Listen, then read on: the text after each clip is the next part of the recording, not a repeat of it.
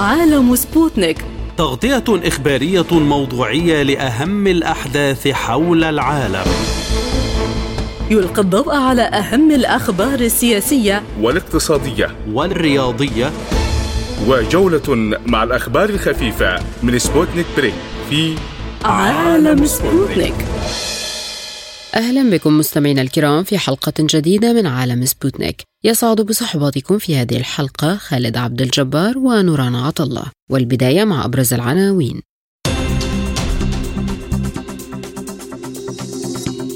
سكرتير مجلس الأمن والدفاع القومي الأوكراني يعلن أنه قد يتم الإعلان عن موجة تعبئة جديدة في أوكرانيا. أزمة بين الجيش السوداني والولايات المتحدة بسبب تصريحات للسفير الأمريكي. والبرهان يزور مصر والسعودية في أول خروج له منذ الحرب. مشاة البحرية الأمريكية تعلن نيتها شراء ثلاث بطاريات لمنظومة القبة الحديدية الإسرائيلية بنسختها الأمريكية. النيجر تعلن حالة التأهب القصوى لقواتها تحسبا لأي تدخل عسكري.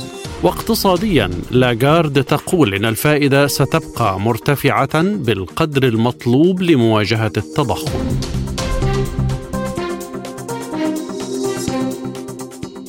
إلى التفاصيل. أعلن سكرتير مجلس الأمن والدفاع القومي الأوكراني ألكسي دانيلوف أنه قد يتم الإعلان عن موجة تعبئة جديدة في أوكرانيا. وعلق دانيلوف على تصريح الرئيس الأمريكي زيلينسكي بأن العسكريين طلبوا منه زيادة التجنيد في الجيش قائلا نعم الجيش يطالب وعلى الأغلب سيكون هناك استدعاء إضافي لكن هذا لا يعني أنه سيتجاوز الحدود التي اعتمدناها في الرابع والعشرين من فبراير 2022 وكان جهاز الأمن الأوكراني أعلن أنه اعتقل أربعة موظفين آخرين في مكاتب التجنيد العسكري. كجزء من حملة مستمرة على الفساد حيث ساعد هؤلاء المعتقلون اشخاصا على تجنب التجنيد والهروب إلى الخارج. وحسب شبكة سي إن إن الأمريكية أضاف جهاز الأمن الاوكراني ان المعتقلين موظفون في مكاتب التجنيد العسكرية ورؤساء اللجان الطبية العسكرية حيث ساعدوا المتهربين على تجنب التجنيد والهروب إلى الخارج. من بيروت ينضم إلينا عمر معربوني الخبير العسكري والاستراتيجي. سيد عمر ماذا تعني هذه التعبئة الجديدة اذا بالنسبة لسير المعارك؟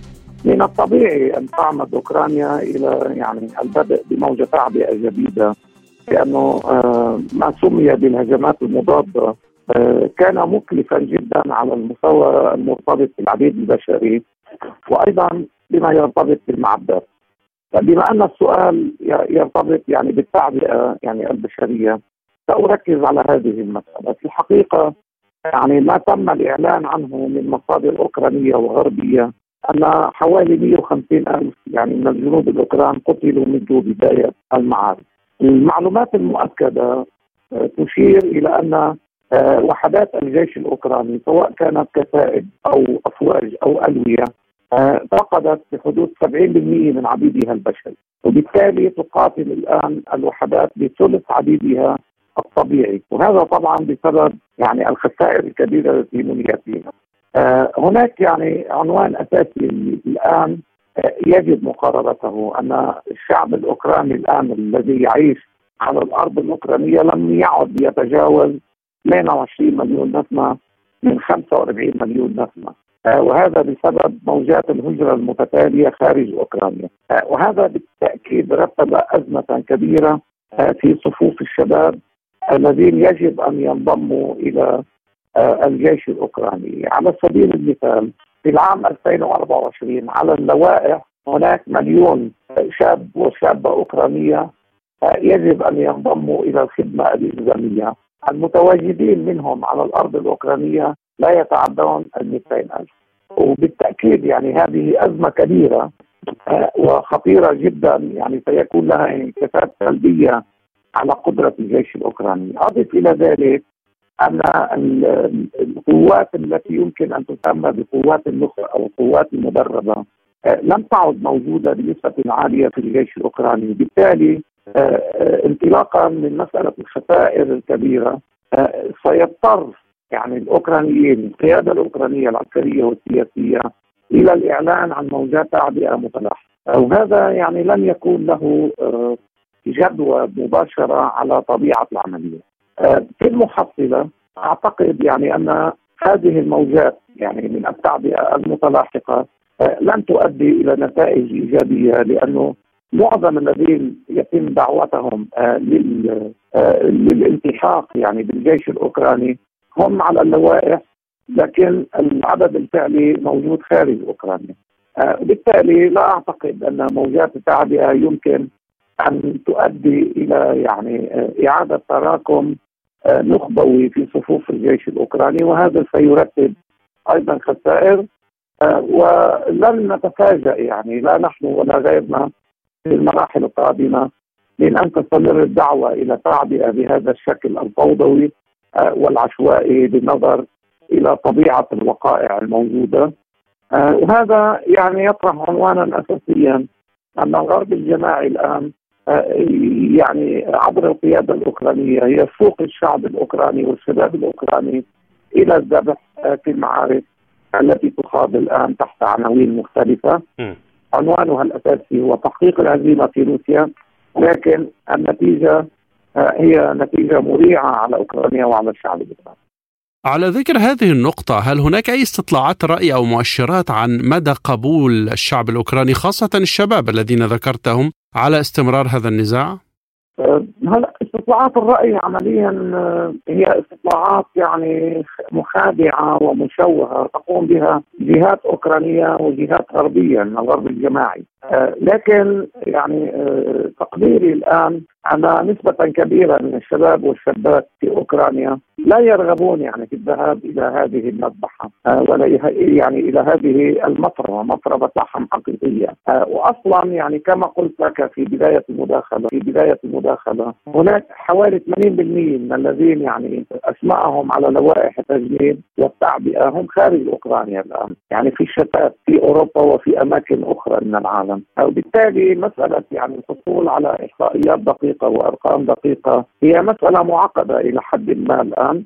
لكن مؤشراتها يمكن الحصول على مؤشرات لها من خلال النتائج المريعة التي تحصل آه، في الميدان. يعني عندما نتحدث عن 50 إلى 60 ألف يعني آه، قتيل في الجيش الأوكراني خلال شهرين إلى شهرين ونصف تقريبا. يعني نحن نتحدث عن آه، يعني إذا إذا إذا أردنا أن نلطف المصطلح عن مفرمه لحم حقيقيا.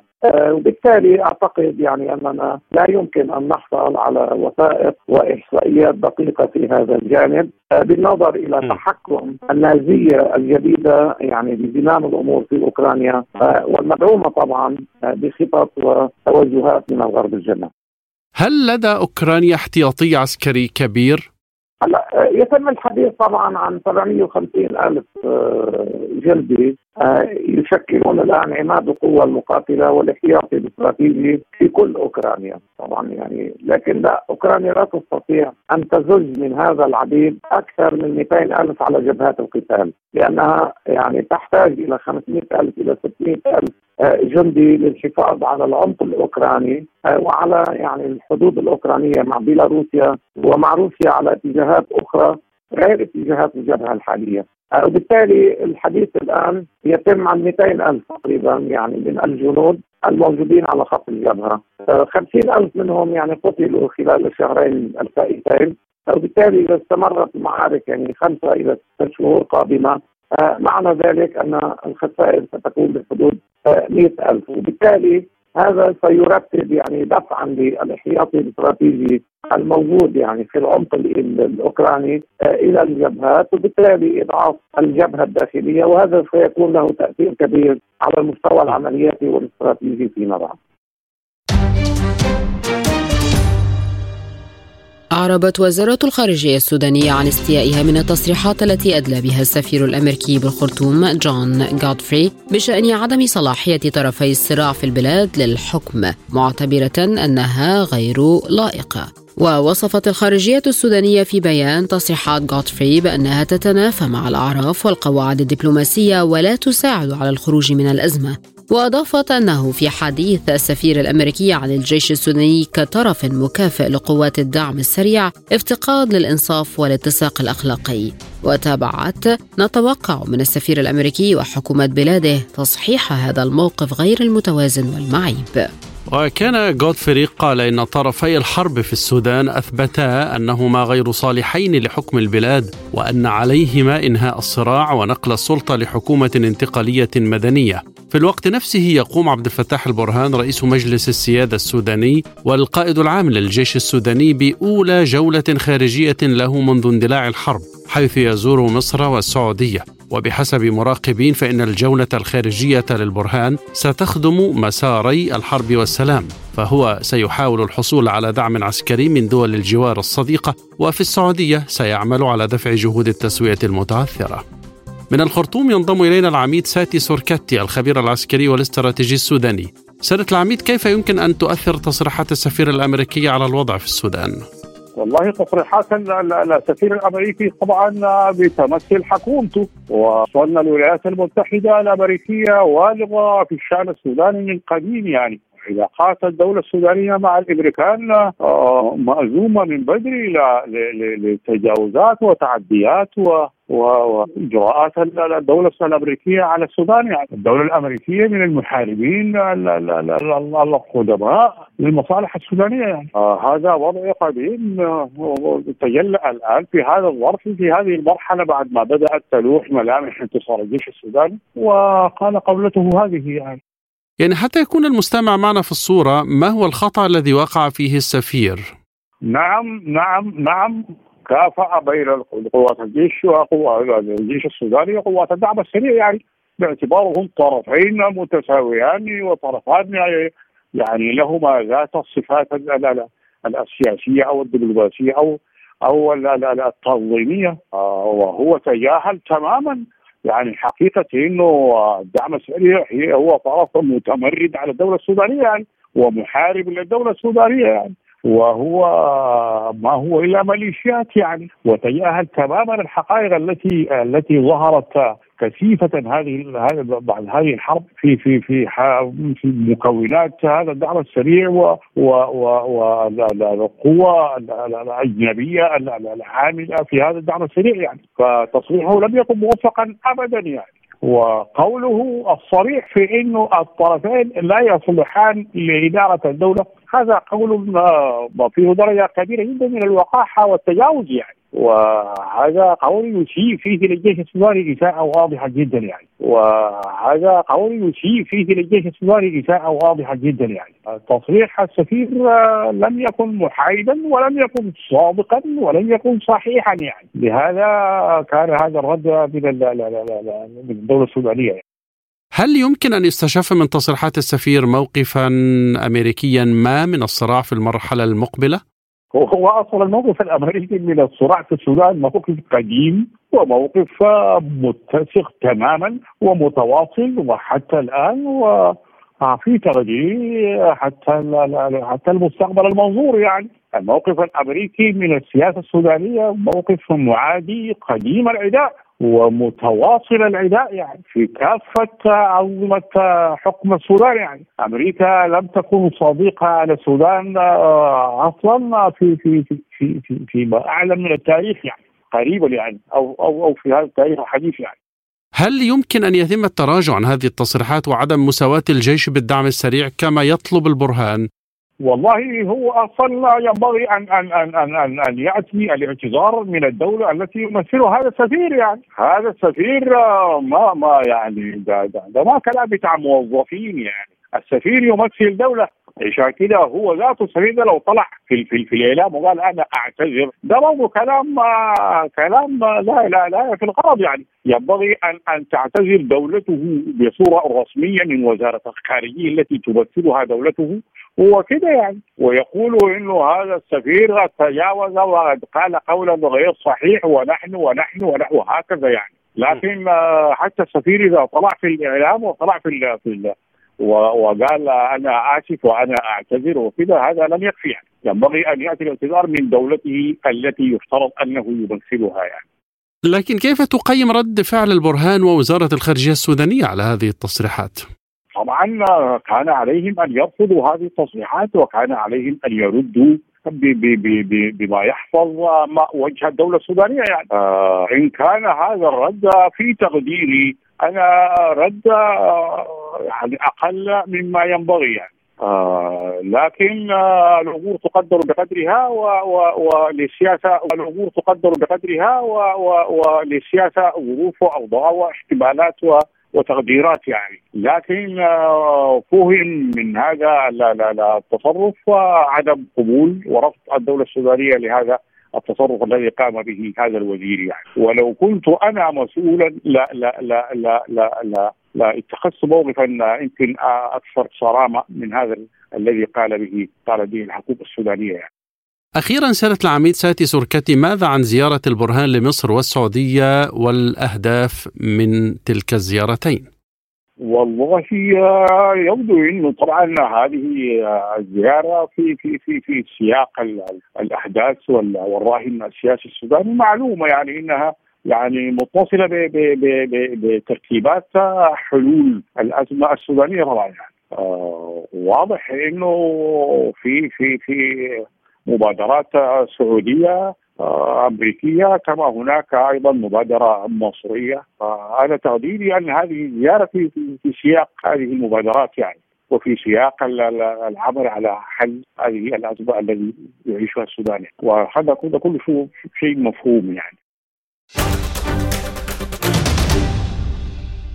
أعلنت قوات المشاة البحرية الأمريكية المارينز عن نيتها شراء ثلاث بطاريات لمنظومة القبة الحديدية الإسرائيلية بنسختها الأمريكية في صفقة يمكن أن تبلغ قيمتها مئات ملايين الدولارات. وذكر موقع آي 24 نيوز أنه ثاني إنجاز تجاري لشركة رفائيل الإسرائيلية التي تنتج هذه المنظومة الدفاعية بعد صفقة مع ألمانيا نالت الموافقة الأمريكية ببيع منظومة سهم ثلاثة بمبلغ ثلاثة مليارات و500 مليون دولار. ووفقا لبيان صادر عن الإدارة الأمريكية ستشمل الصفقة 1840 صاروخا اعتراضيا من طراز تامير و44 منصة إطلاق إلى جانب أنظمة سيطرة وقيادة. وأوضحت أن جزءا كبيرا من الإنتاج سيتم في الولايات المتحدة وليس بمنشآت رافائيل في إسرائيل مشيرة إلى أن المنظومة الأمريكية سيتم تجهيزها مع رادار أمريكي وليس برادار إسرائيلي من إنتاج الصناعات الجوية. وتعد هذه الصفقة الثانية المرتبطة بالقبة الحديدية والموقعة مع الأمريكيين حيث اشترى الجيش الأمريكي عام 2019 بطاريتين من إنتاج إسرائيلي بقيمة 340 مليون دولار. للمزيد من التفاصيل ينضم إلينا من القاهرة سيادة اللواء سمير راغب رئيس المؤسسة العربية للتنمية والدراسات الاستراتيجية وعضو جمعية المحاربين القدامى بعد تحية ماذا تعني هذه الصفقة التي لم تكن الأولى؟ تحياتي لحضرتك أستاذ المستمعين منظومة القبة الحديدية اولا أمريكا مساهمة فيها مش مش فكرة إنها إسرائيلية خالص وأثبتت نجاح الحقيقة في التهديدات اللي أصبحت شائعة يعني زي ال drones الصغيرة والصواريخ الباليستية اللي بتصنعها الفواعل من غير الدول. في أمريكا عندها إمكانيات كبيرة لكن في في الصواريخ خارج الأفق زي الثاد والباتريوت. ولكن بالنسبة للصواريخ الأجيال اللي هي قصيرة ومتوسطة المدى أو في المديات القصيرة ومتوسطة المدى زي الهوك مثلا والسكاي جارد القبة الحديدية متفوقة أكثر حقيقة. وال... واسرائيل لا تأمن أن تعطي القبة الحديدية إلا لأمريكا. يعني إسرائيل جات لها عروض كثيرة يعني منها من نيتو أوكرانيا عشان حرب أوكرانيا رفضت حاجة. لكن لسبب تعلم تماما إن أمريكا مش الدولة اللي تدخل في صراع ويمكن للعدو الاستيلاء على سلاحها وخاصة إن دايما يعني ميول أمريكا في استخدام مثل هكذا استخدامات دفاعية مش مش بتدخل فيها في عمليات ففي قضية تأمين القطع البحرية والسفن الصغيرة القبة الحديدية ناجحة الحقيقة. بصرف النظر عن إنها يعني من يستخدمها لكن على المستوى العسكري هي منظومة دفاع جوي ناجحة وبصرف النظر عن فكرة نتائج الصراعات ما بين إسرائيل وقطاع غزة لكن لو شفنا كم الرشقات اللي بتطلع في المرة وكم التصدي فبتكون القبة الحديدية محققة رقم كويس يعني ناجح. بالنسبة آه لهذا المدى اللي هو القصير والمتوسط. طبعا في المدارات الأخرى لا الأمور مختلفة. وفي المدارات الأخرى إسرائيل عندها يعني الارو ومقلاع داوود عندها يعني يعني حاجات إسرائيلي مشترك مع الأمريكان في مدارات تانية. لكن في المدى ده هي ناجحة. هل أصبحت إسرائيل نفسها منتج كبير للأسلحة؟ ما ما تتصنفش منتج كبير الحقيقة يعني لسبب هو موضوع ال ال الإنتاج كم وكيف لو شفنا تصنيف إسرائيل على مستوى العالم مش مش تصنيف متقدم بصرف النظر عن البروباجندا حوالين القبة الحديدية هي في الأخير سلاح آه، في أحد آه، استخدامات الدفاع الجوي في مدى معين لكن لما نتكلم على السلاح بشكل عام اللي هو طائرات ودبابات ومركبات قتال لا إسرائيل مش إسرائيل بتنتج آه، في ما يعني ما يساعدها مش ما يكفيها لأنها بتستورد من أمريكا.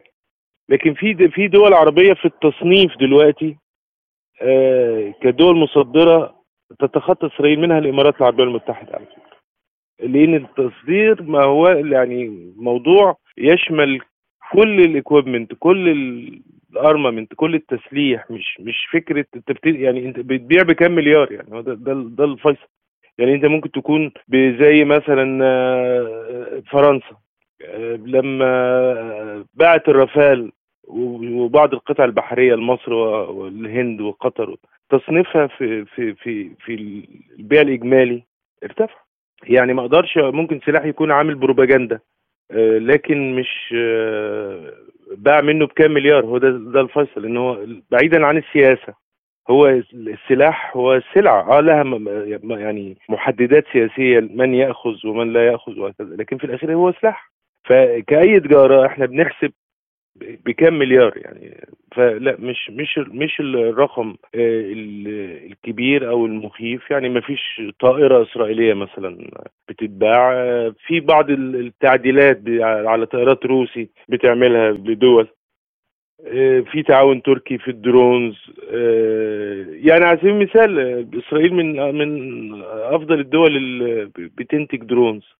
لكن ثمن صفقات drones هو ثمن طيارة مقاتلة واحدة.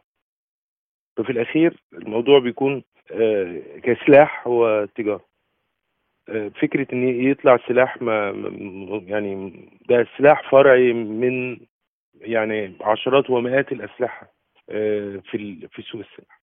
الحديث خلال الصفقة يدور حول البطاريات المشاركة في منظومة القبة الحديدية وإشادة كبيرة بها. لكن شاهدنا جميعا كيف تقوم صواريخ بدائية من حماس وغيرها بتهديد هذه القبة. فكيف ترى هذه المنظومة برأيك؟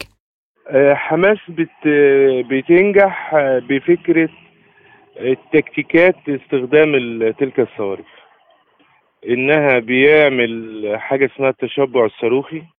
يعني أي منظومة دفاع جوي في في في أي منظومة في الدنيا ليها كباستي يعني تقدر تعترض في وقت واحد مثلا 40 صاروخ. فلو أنا ضربت 50 صاروخ يبقى في 10 صواريخ لن يتم اعتراضهم لأن عدد الصواريخ اللي على المنصات الإطلاق أقل من عددهم. فهو بيعمل إن هو بيعمل تشبع صاروخي فيقوم آه، يعني ال 50 صاروخ منهم آه، حتى لو كان الاعتراض 100% لكن في 10 صواريخ هيعدوا. فبالتالي ال 10 صواريخ دول ممكن صاروخ منهم يوصل لهدف يعني آه، يعني متوسط القيمة أو عالي القيمة. ف لكن في آه، في 40 تم اعتراضهم أو في 30 من ال 40 تم اعتراضهم. فلما نشوف نسبة الاعتراض مثلا لو وصلت ل 75% فده مرضي.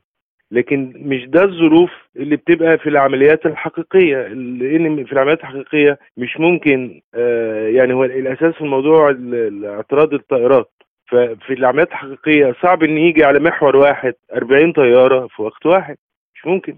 يعني لو يعني ما فيش في في تكتيكات هجوم جوي إن تأتي 40 طائره من نفس المحور. بالإضافة لأن حتى لو أتت 40 طائره لن تخرج فجأة. لكن هنا في في قطاع غزة المسافة يعني ما بين الحدود المسافة متر.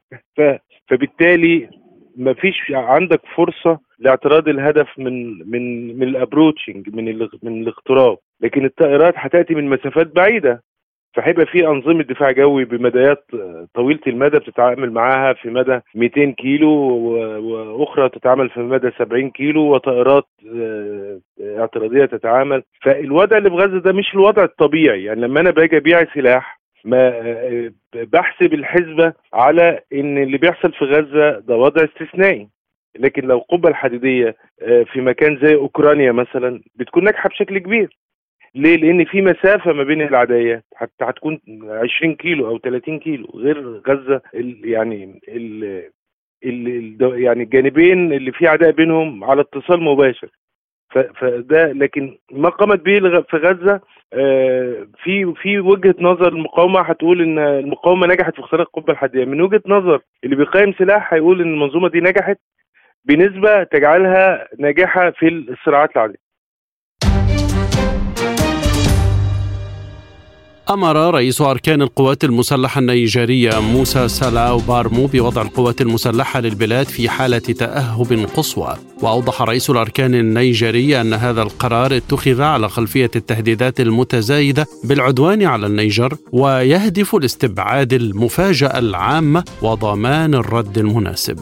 وافادت تقارير في الأيام الأخيرة بأن استعدادات المجموعة الاقتصادية لدول غرب إفريقيا إيكواس للتدخل العسكري في النيجر مستمرة وذلك بعد أن أعلنت المجموعة قبل أسبوع أنه تم تحديد موعد للتدخل العسكري في النيجر لكن دون أن تكشف عنه. واستولى المجلس العسكري في نيجر على السلطة في السادس والعشرين من الشهر الجاري. وبرر القائد السابق للحرس الرئاسي الجنرال عمر عبد الرحمن تياني الإطاحة بالرئيس محمد بازوم بإخفاقه أمنيا واقتصاديا واجتماعيا في بلد يتوسط أفقر دول العالم ويعاني نشاط المجموعات المسلحة. وعقب الإطاحة ببازوم هددت إيكواز بالتدخل عسكريا في النيجر وهو ما نددت به نيامي وشددت على أنه إعلان حرب.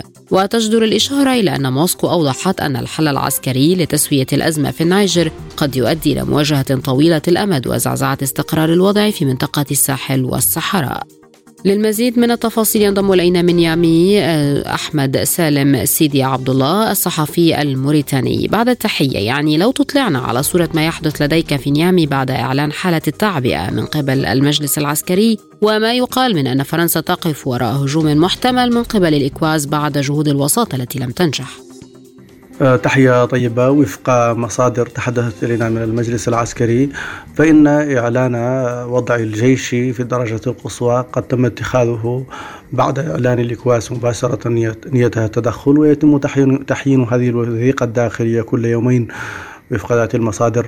آه، مما لا شك فيه أن هذا أن طرد السفير الفرنسي وإعلانه شخصا غير مرغوب فيه في باريس هو تحد وتصعيد تجاه فرنسا لكن كما تعلمون قد يكون تحد من المجلس العسكري ورفع للتصعيد من أجل إرغام فرنسا على الحوار معه.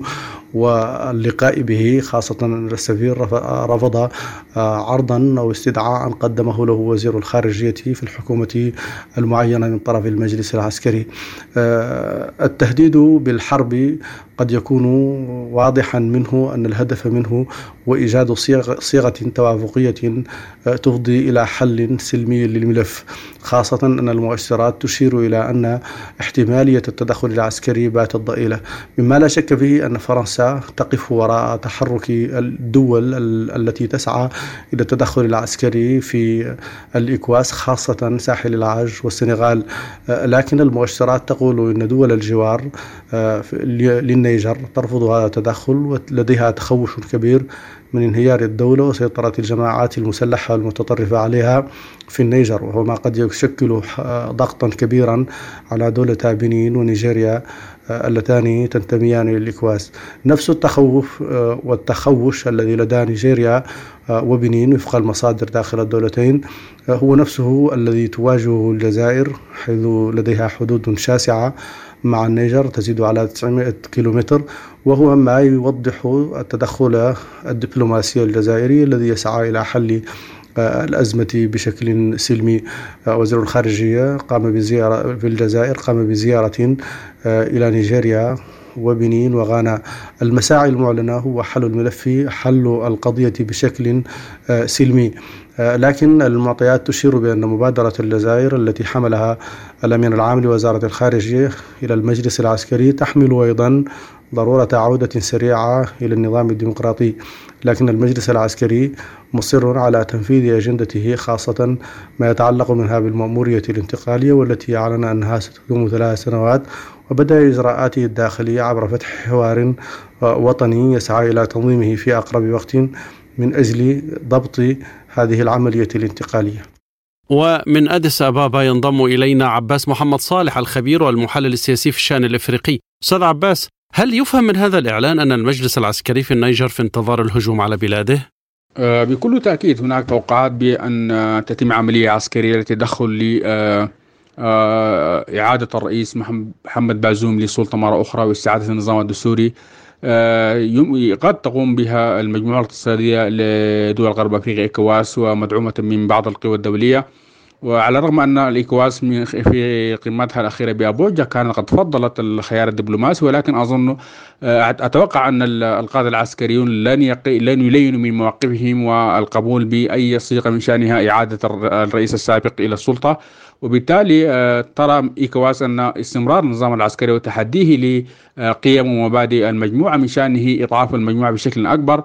إضافة إلى ذلك أن بعض القوى الغربية تدفع باتجاه التدخل العسكري للحفاظ على آه، ما تراه آه، أنظمة ديمقراطية وقيم ديمقراطية في هذه المنطقة التي تترنح أمام آه، أمام صعود الأنظمة العسكرية لا سيما في منطقة الساحل الكبير. وبالتالي أعتقد أن القادة العسكريين في النيجر يحاولون تعبئة الرأي العام الداخلي لإحباط أي محاولة للتدخل وكذلك الحصول على دعم الدول المجاورة فضلا عن بعض الأطراف في الاتحاد الأفريقي التي تعارض أي شكل من أشكال التدخل. وترى أن آه، أي عملية للتدخل العسكري في النيجر من شأنه مفاقمة الأوضاع الهشة في منطقة الساحل وكذلك في منطقة بحيرة آه، تشاد. وهاتان المنطقتان كما نعلم آه، تواجهان خطر صعود المجموعات الجهادية التي تحاول أيضا من جانبها استغلال أي فرصة لتعزيز نفوذها وكذلك لشن هجمات على مؤسسات وأجهزة الأمن في هذه الدول يعني. هناك الكثير من التحذيرات والزيارات وآخرها من الجزائر فهل تنجح في حل الأزمة؟ أعتقد أنه على الرغم من تحذيرات بعض الأطراف كالجزائر مع ذلك هنالك انقسام كبير في داخل الاتحاد الأفريقي وكذلك انقسام داخل إكواس وهذا الانقسام من شأنه أيضا أن يفاقم الأزمة في النيجر ويباعد الشقة بين المكون العسكري أو الحكم العسكري القائم حاليا وبين الأطراف الإقليمية الأخرى التي تحاول أن توجد آه، من شأنها إعادة النظام الدستوري. ولذلك رأينا أن القادة العسكريين مضوا في طريقهم لتأسيس نظام آه، انتقالي جديد حيث عن تشكيل حكومة انتقالية. وفي محاولة لفرض الأمر الواقع وقطع الطريق على أي محاولات دبلوماسية لإعادة النظام السابق أو الرئيس السابق محمد بازوم للسلطة مرة أخرى. آه، علاوة على ذلك فإن القادة العسكريون أيضا آه، يحاولون آه، الاستناد أو الاستقواء بمواقف بعض الأطراف الإقليمية في الإيكواس لا سيما الدول التي شهدت انقلابات عسكرية والتي أعلنت بشكل واضح أنها ستتضامن مع النيجر في أي محاولة للتدخل وبالتالي أعتقد أن استمرار الانقسام الدولي يزيد من مصاعب آه، حل هذه الأزمة السياسية سواء كان عن طريق التدخل العسكري أو عن طريق الوسائل الدبلوماسية الأخرى. وأضف إلى ذلك أيضا كذلك المجتمع الدولي لديه مخاوف من أن أي عملية تدخل آه، العسكري في النيجر من دون توافق إقليمي على الأقل من شأنه أيضا أن يعرض هذه المنطقة لمزيد من الاستقرار والاضطرابات لا سيما أن هذه المنطقة معروف عنها أنها منطقة هشة وتعاني من مشكلات هيكلية. آه، تفاقمت هذه المشكلات أيضا مع بروز أنظمة عسكرية وحدوث انقلابات عسكرية في هذه الدول وكذلك ضمور الأنظمة الديمقراطية التي كانت تجد الدعم من الأطراف الدولية باعتبارها نماذج يمكن يتم البناء عليها من أجل إرساء أنظمة سياسية مستقرة في منطقة الساحل الكبير. أستاذ عباس هل تقف فرنسا خلف التهديد بالتدخل العسكري من إكواس أم أن القرار إفريقي تماما؟ كما نعلم فإن فرنسا لديها مواقف متشددة إزاء الأوضاع أو التطورات في الساحل الكبير وتحديدا في منطقة النيجر أو في دولة النيجر عفوا آه، لأن فرنسا كانت تعتبر النيجر وتشاد آخر معاقل نفوذها في منطقة غرب أفريقيا. كما نعلم في السنوات الأخيرة آه، صعدت آه، أنظمة ومجموعات مناهضة للنفوذ الفرنسي أجبرت فرنسا للقيام بعمليات انسحاب حيث قامت بسحب قواتها من مالي وكذلك أعادت تنظيم انتشارها في منطقة الساحل الكبير وكذلك أعادت النظر في سياساتها لمكافحة الإرهاب في ضوء آه، صعود أنظمة سياسية معادية لها وبالتالي فإن آه، الحفاظ على سلطة الرئيس محمد بازوم في النيجر يعتبر مكسب أو مصلحة للأمن القومي الفرنسي وبالتالي تحاول أن تدفع باتجاه تدخل عسكري من قبل الإيكواس من شأنه. إعادة الرئيس السابق وإعادة الاستقرار لهذه البلدة التي آه، كما نعلم آه، إن تمكن العسكريون من آه، إرسال سلطة عسكرية فيها من شأنه أيضا أن يجعل فرنسا أمام انكشاف استراتيجي بمعنى أن فرنسا بعد انسحابها من بعض دول الساحل باتت تراهن على النيجر وكذلك تراهن على تشاد وبالتالي يجعل تشاد أيضا عرضة ل نوع من التدخلات السياسية التي أيضا ستنعكس على النفوذ الفرنسي في هذه المنطقة. وكما نعلم فإن فرنسا تعتمد بشكل كبير في مجال الطاقة على النيجر وبالتالي استقرار الأوضاع في النيجر يعتبر أيضا له أبعاد تتعلق بالاستقرار داخل الاستقرار الاجتماعي والاقتصادي داخل فرنسا. وكما تعلمون فإن النفوذ الفرنسي كما يرى بعض المراقبون يتراجع بشكل كبير وبالتالي لدى, لدى فرنسا مصلحة عظمى في دفع آه، أي آه، عملية للتدخل العسكري في منطقة آه، في دولة النيجر.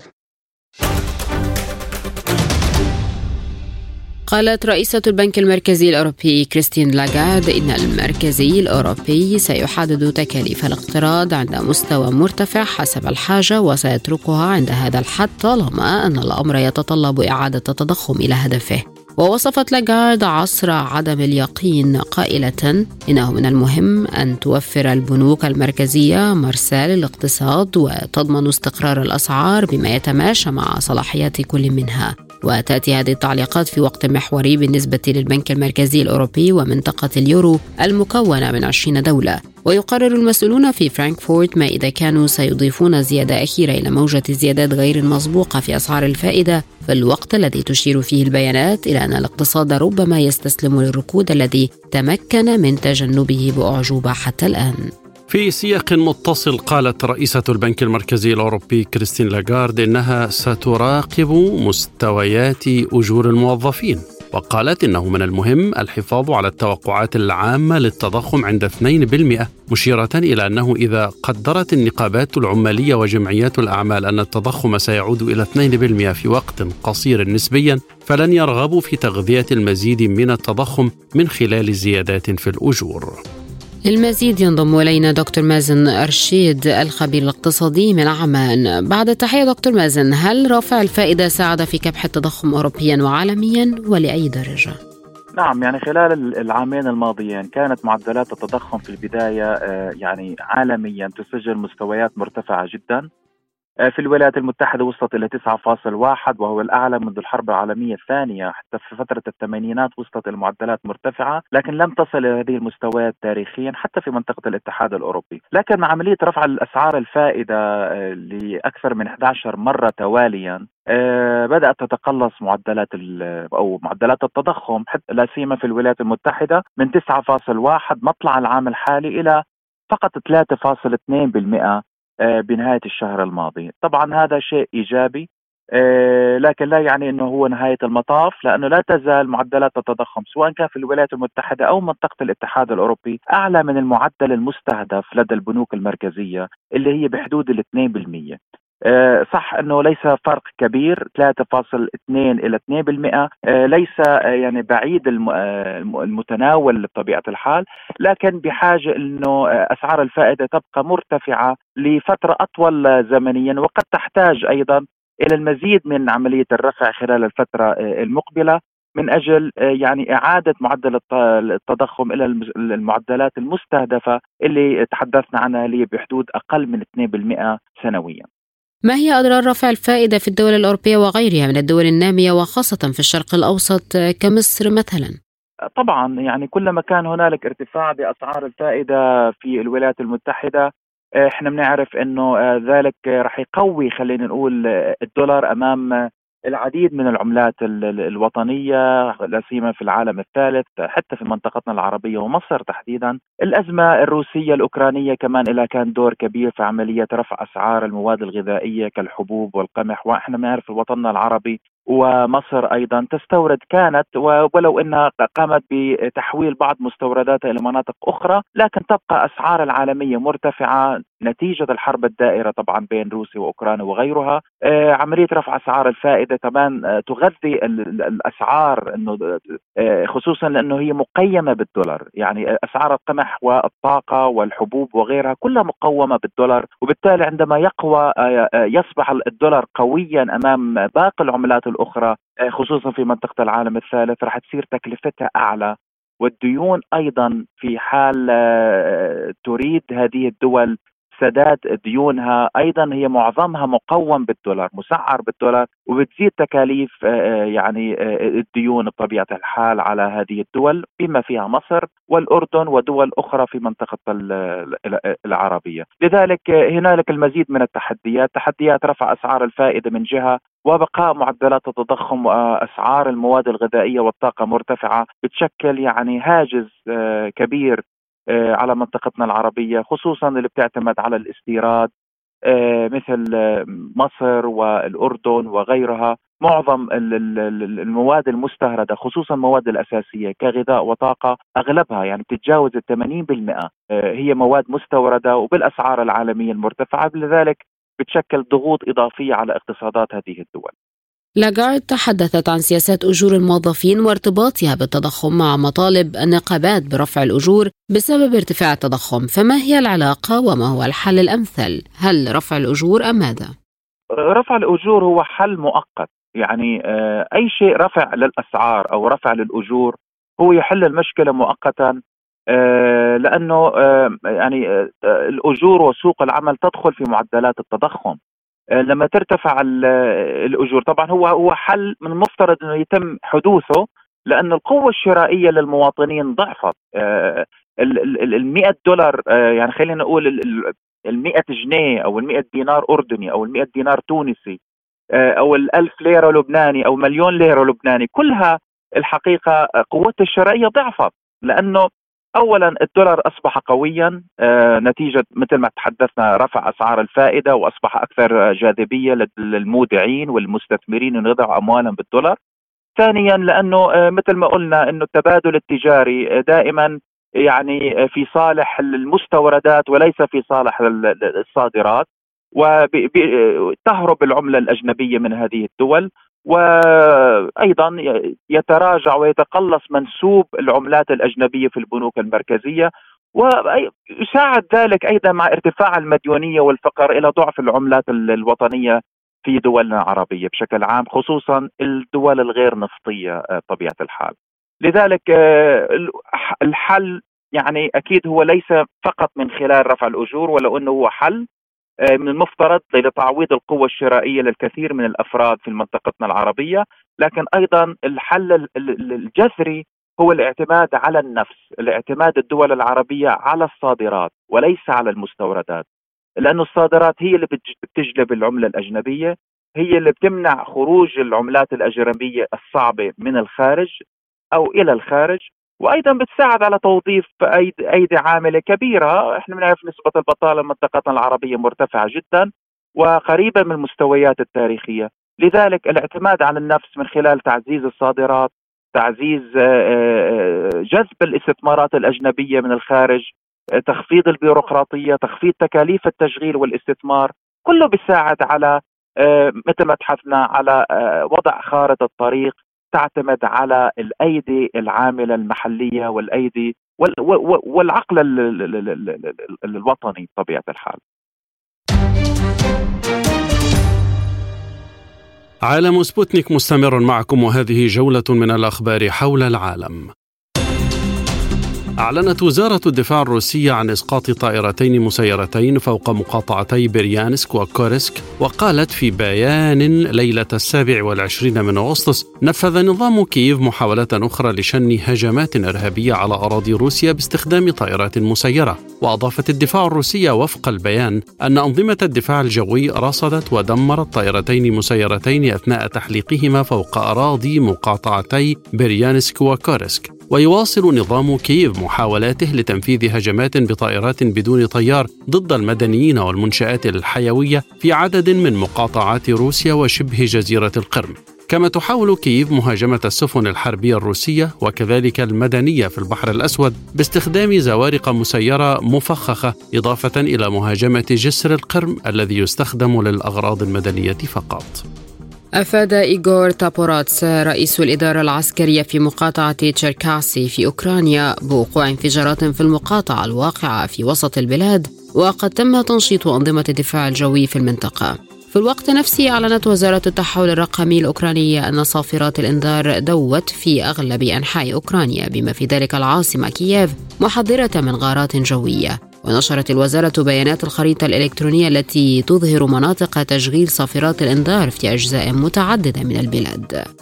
اقتحمت قوات الاحتلال الإسرائيلي مخيم طول كارم شمال الضفة الغربية مما أدى إلى اندلاع اشتباكات مسلحة عنيفة مع الفلسطينيين. وأفادت وكالة الأنباء الفلسطينية نقلا عن مصادر طبية بإصابة خمسة فلسطينيين بشظايا الرصاص الحي خلال عملية اقتحام واسعة نفذتها القوات الإسرائيلية للمخيم. ووفقا للوكالة تم نقل المصابين إلى المستشفى لتلقي العلاج حيث وصفت إصابتهم بالمستقرة. فاز رئيس زيمبابوي إميرسون ماننجوا بولاية ثانية بحسب ما أعلن مسؤولو الانتخابات بعد تصويت قال مراقبون دوليون إنه لم يرقى إلى المعايير الديمقراطية. وحصل مانجواث البالغ من العمر 80 عاما على 52.6% من الأصوات مقابل 44% لمنافسه الرئيسي نيلسون تشاميسا. وفقا للنتائج الرسمية التي أعلنتها لجنة الانتخابات في زيمبابوي. وتوجه الناخبون في زيمبابوي إلى صناديق الاقتراع يومي الأربعاء والخميس في مراكز اقتراع شابتها اتهامات المعارضة بالتزوير وقمع للناخبين. فيما قال مراقب الانتخابات الأجانب يوم الجمعة إن الانتخابات فشلت في التوافق مع المعايير الإقليمية والدولية. جمعت حملة الرئيس السابق دونالد ترامب سبعة ملايين دولار ومئة ألف منذ أن سلم نفسه إلى سجن مقاطعة فولتون بولاية جورجيا الخميس الماضي وأمضى نحو عشرين دقيقة بداخله وخرج بعد ذلك بكفالة. ونقلت شبكة سي إن إن عن مصدر داخل حملة ترامب بأنهم جمعوا في صباح الجمعة أكثر من أربعة ملايين دولار وهو أعلى يوم من حيث الإيرادات في الحملة بأكملها. وكان ترامب قد سلم نفسه إلى سجن فولتون في قضية اتهامه بمحاولة التلاعب بنتيجة انتخابات الولاية عام 2020 في رابعة محاكمة جنائية يواجهها هذا العام بينما يسعى للترشح في الانتخابات الرئاسية المقررة في نوفمبر 2024 قتل رجل مسلح ببندقية ومسدس ثلاثة أشخاص في أحد متاجر سلسلة دولار جنرال في جاكسونافيل بولاية فلوريدا الأمريكية يوم السبت. ثم أطلق النار على نفسه في واقعة وصفتها السلطات إنفاذ القانون بأنها جريمة ذات دوافع عنصرية.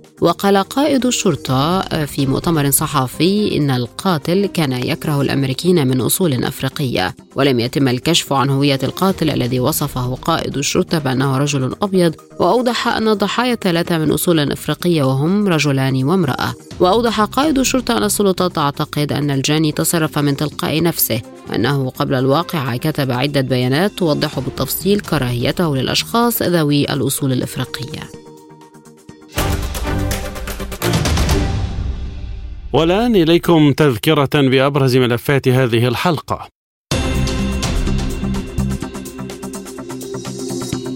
سكرتير مجلس الأمن والدفاع القومي الأوكراني يعلن أنه قد يتم الإعلان عن موجة تعبئة جديدة في أوكرانيا. أزمة بين الجيش السوداني والولايات المتحدة بسبب تصريحات للسفير الأمريكي والبرهان يزور مصر والسعودية في أول خروج له منذ الحرب. مشاة البحرية الأمريكية تعلن نيتها شراء ثلاث بطاريات لمنظومة القبة الحديدية الإسرائيلية بنسختها الأمريكية. النيجر تعلن حالة التأهب القصوى لقواتها تحسبا لأي تدخل عسكري. اقتصاديا لاغارد تقول إن الفائدة ستبقى مرتفعة بالقدر المطلوب لمواجهة التضخم.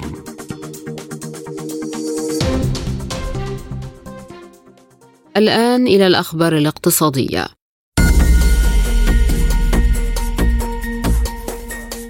أعلن داوود منظور نائب الرئيس الإيراني إبراهيم رئيسي أنه تم الإفراج عن جزء من الأرصدة الإيرانية المجمدة في كوريا الجنوبية وتركيا والعراق في إطار اتفاق تم بين واشنطن وطهران يشمل أيضا تبادلا للسجناء بين الطرفين.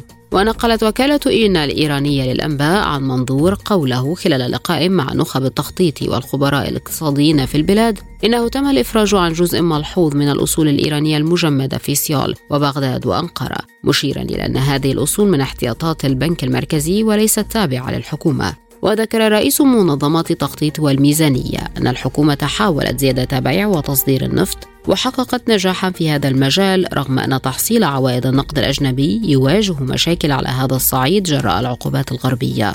وكانت وكالة أنباء الطلبة الإيرانية شبه الرسمية قد نقلت عن الرئيس الإيراني أخيرا إن أصول بلاده المفرج عنها في الخارج ستستخدم في تعزيز الإنتاج المحلي.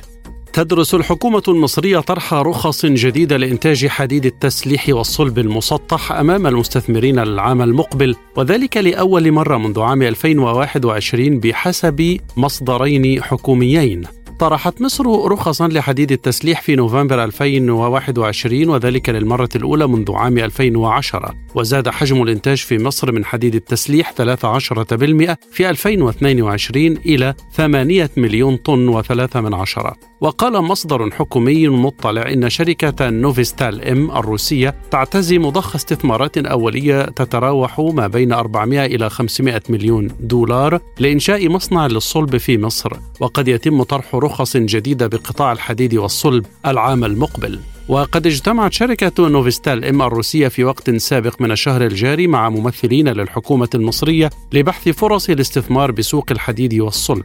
وتمتلك نوفيستال إم مصنعين في روسيا وتنتج نحو مليوني طن فاصل ثمانية من عشرة سنويا من حديد التسليح وتصدر منتجاتها إلى ستين دولة. جمعت شركة أبراج الاتصالات توال التابعة لشركة الاتصالات السعودية STC تمويلا مصرفيا متوافقا مع الشريعة الإسلامية بقيمة مليار و400 مليون دولار وذلك للاستحواذ على ثلاث شركات أبراج تابعة ليونايتد جروب. في بلغاريا وكرواتيا وسلوفينيا وذلك بحسب إفصاح للشركة في سوق الأسهم السعودية. اتفقت توال في أبريل الماضي على شراء شركات الأبراج بقيمة مليار فاصل 22 مليون يورو في أول خطوة توسعية لعملاق الاتصالات السعودي في أسواق أوروبا. وبموجب الصفقة ستستحوذ توال وحدة البنية التحتية التابعة ل STC على كامل محفظة أبراج الهاتف المحمول المملوكة لمجموعة يونايتد جروب في بلغاريا وكرواتيا وسلوفينيا التي تضم 4800 برج. وقامت الشركة السعودية بتمويل كامل الصفقة عن طريق القروض البنكية والمتوافقة مع الشريعة الإسلامية.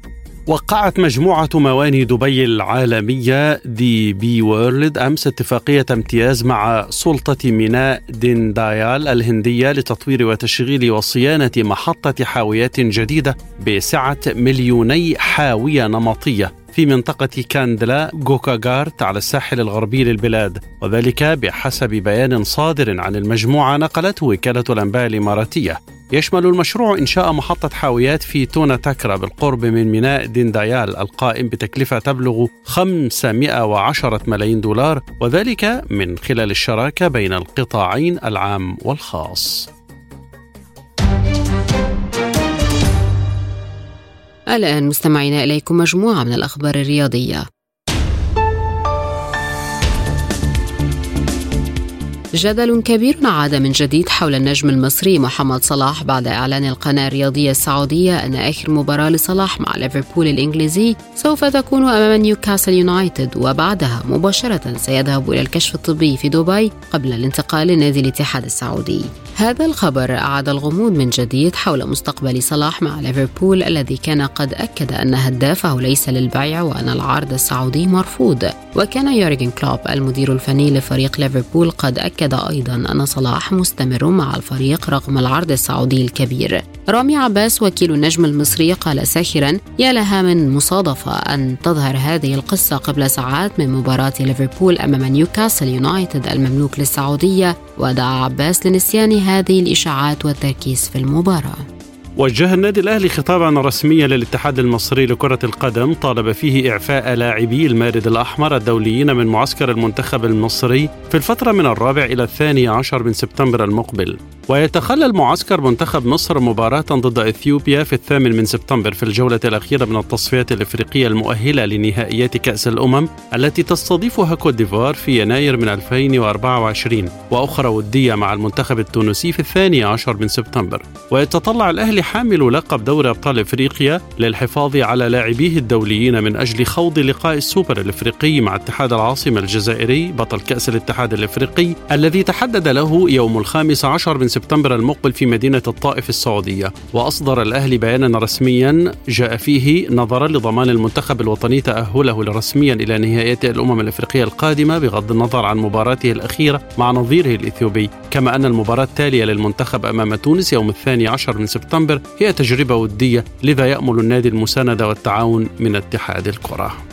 افتتح قائد منتخب الأرجنتين ليونيل ميسي سجله التهديفي مع نادي انتر ميامي في مسابقة الدوري الأمريكي للمحترفين MLS عندما هز شباك فريق نيويورك ريد بولز في الدقيقة الأخيرة من المباراة التي استضاف ملعب نيويورك ريد بول أرينا ليقود فريقه للفوز 2-0 جلس ليونيل ميسي على دكة البدلاء منذ البداية حيث فضل المدير الفني الأرجنتيني تاتا مارتينو إراحته بعد أن شارك لثمان مباريات متتالية منذ انضمامه في صفقة انتقال حر قادمة من باريس سان جيرمان منتصف الشهر الماضي. وجاءت أول مشاركة لميسي في دوري MLS من على الدكة في الدقيقة 60 حين أخذ مكان ليوناردو كامبانا. وما هي سوى 29 دقيقة واستطاع تسجيل الهدف الثاني لإنتر ميامي والأول له في المسابقة إثر عملية ثنائية بينه وبين اللاعب الأمريكي الموهوب بنجامين كريماسي داخل منطقة الجزاء.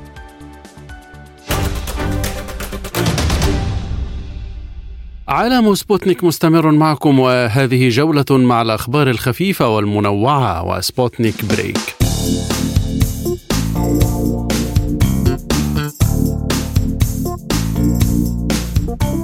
رصدت عدسة سبوتنيك آليات عسكرية وأسلحة روسية في المتحف العسكري الذي افتتحه حزب الله في مدينة بعلبك شرق لبنان وكان حزب الله اللبناني قد افتتح متحفا عسكريا بمناسبة الذكرى السادسة لتحرير الجرود الشرقية تحت عنوان بعلبك حكاية الشمس للأرض. برعاية رئيس المجلس السياسي في الحزب إبراهيم أمين السيد وبحضور عدد من رجال الدين والسياسيين والشخصيات الاجتماعية والبلدية وحشد جماهيري. المتحف أقيم في منطقة العسيرة وهي المنطقة ذاتها التي اختطف فيها الكوماندوز الإسرائيلي المواطن اللبناني حسن نصر الله بعملية إنزال في آب 2006 بعد تشابه أسماء بينه وبين الأمين العام لحزب الله.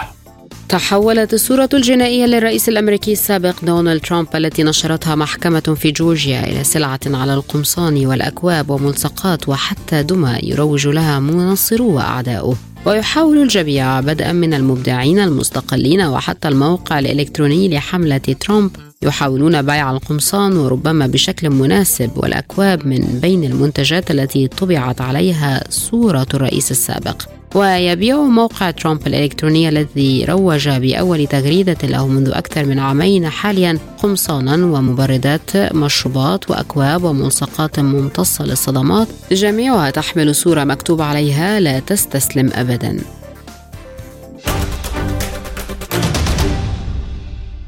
ختام عالم سبوتنيك إليكم تذكرة بأبرز ملفات هذه الحلقة.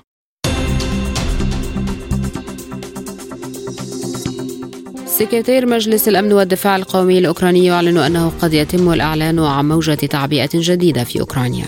أزمة بين الجيش السوداني والولايات المتحدة بسبب تصريحات للسفير الأمريكي والبرهان يزور مصر والسعودية في أول خروج له منذ الحرب. مشاة البحرية الأمريكية تعلن نيتها شراء ثلاث بطاريات لمنظومة القبة الحديدية الإسرائيلية بنسختها الأمريكية. النيجر تعلن حالة التأهب القصوى لقواتها تحسبا لأي تدخل عسكري. اقتصاديا لاغارد تقول إن الفائدة ستبقى مرتفعة بالقدر المطلوب لمواجهة التضخم. ورياضيا الجدل يعود من جديد بعد إعلان القناة الرياضية السعودية انتقال النجم المصري محمد صلاح إلى الاتحاد السعودي. للمزيد زوروا موقعنا على الإنترنت سبوتنيك إلى اللقاء.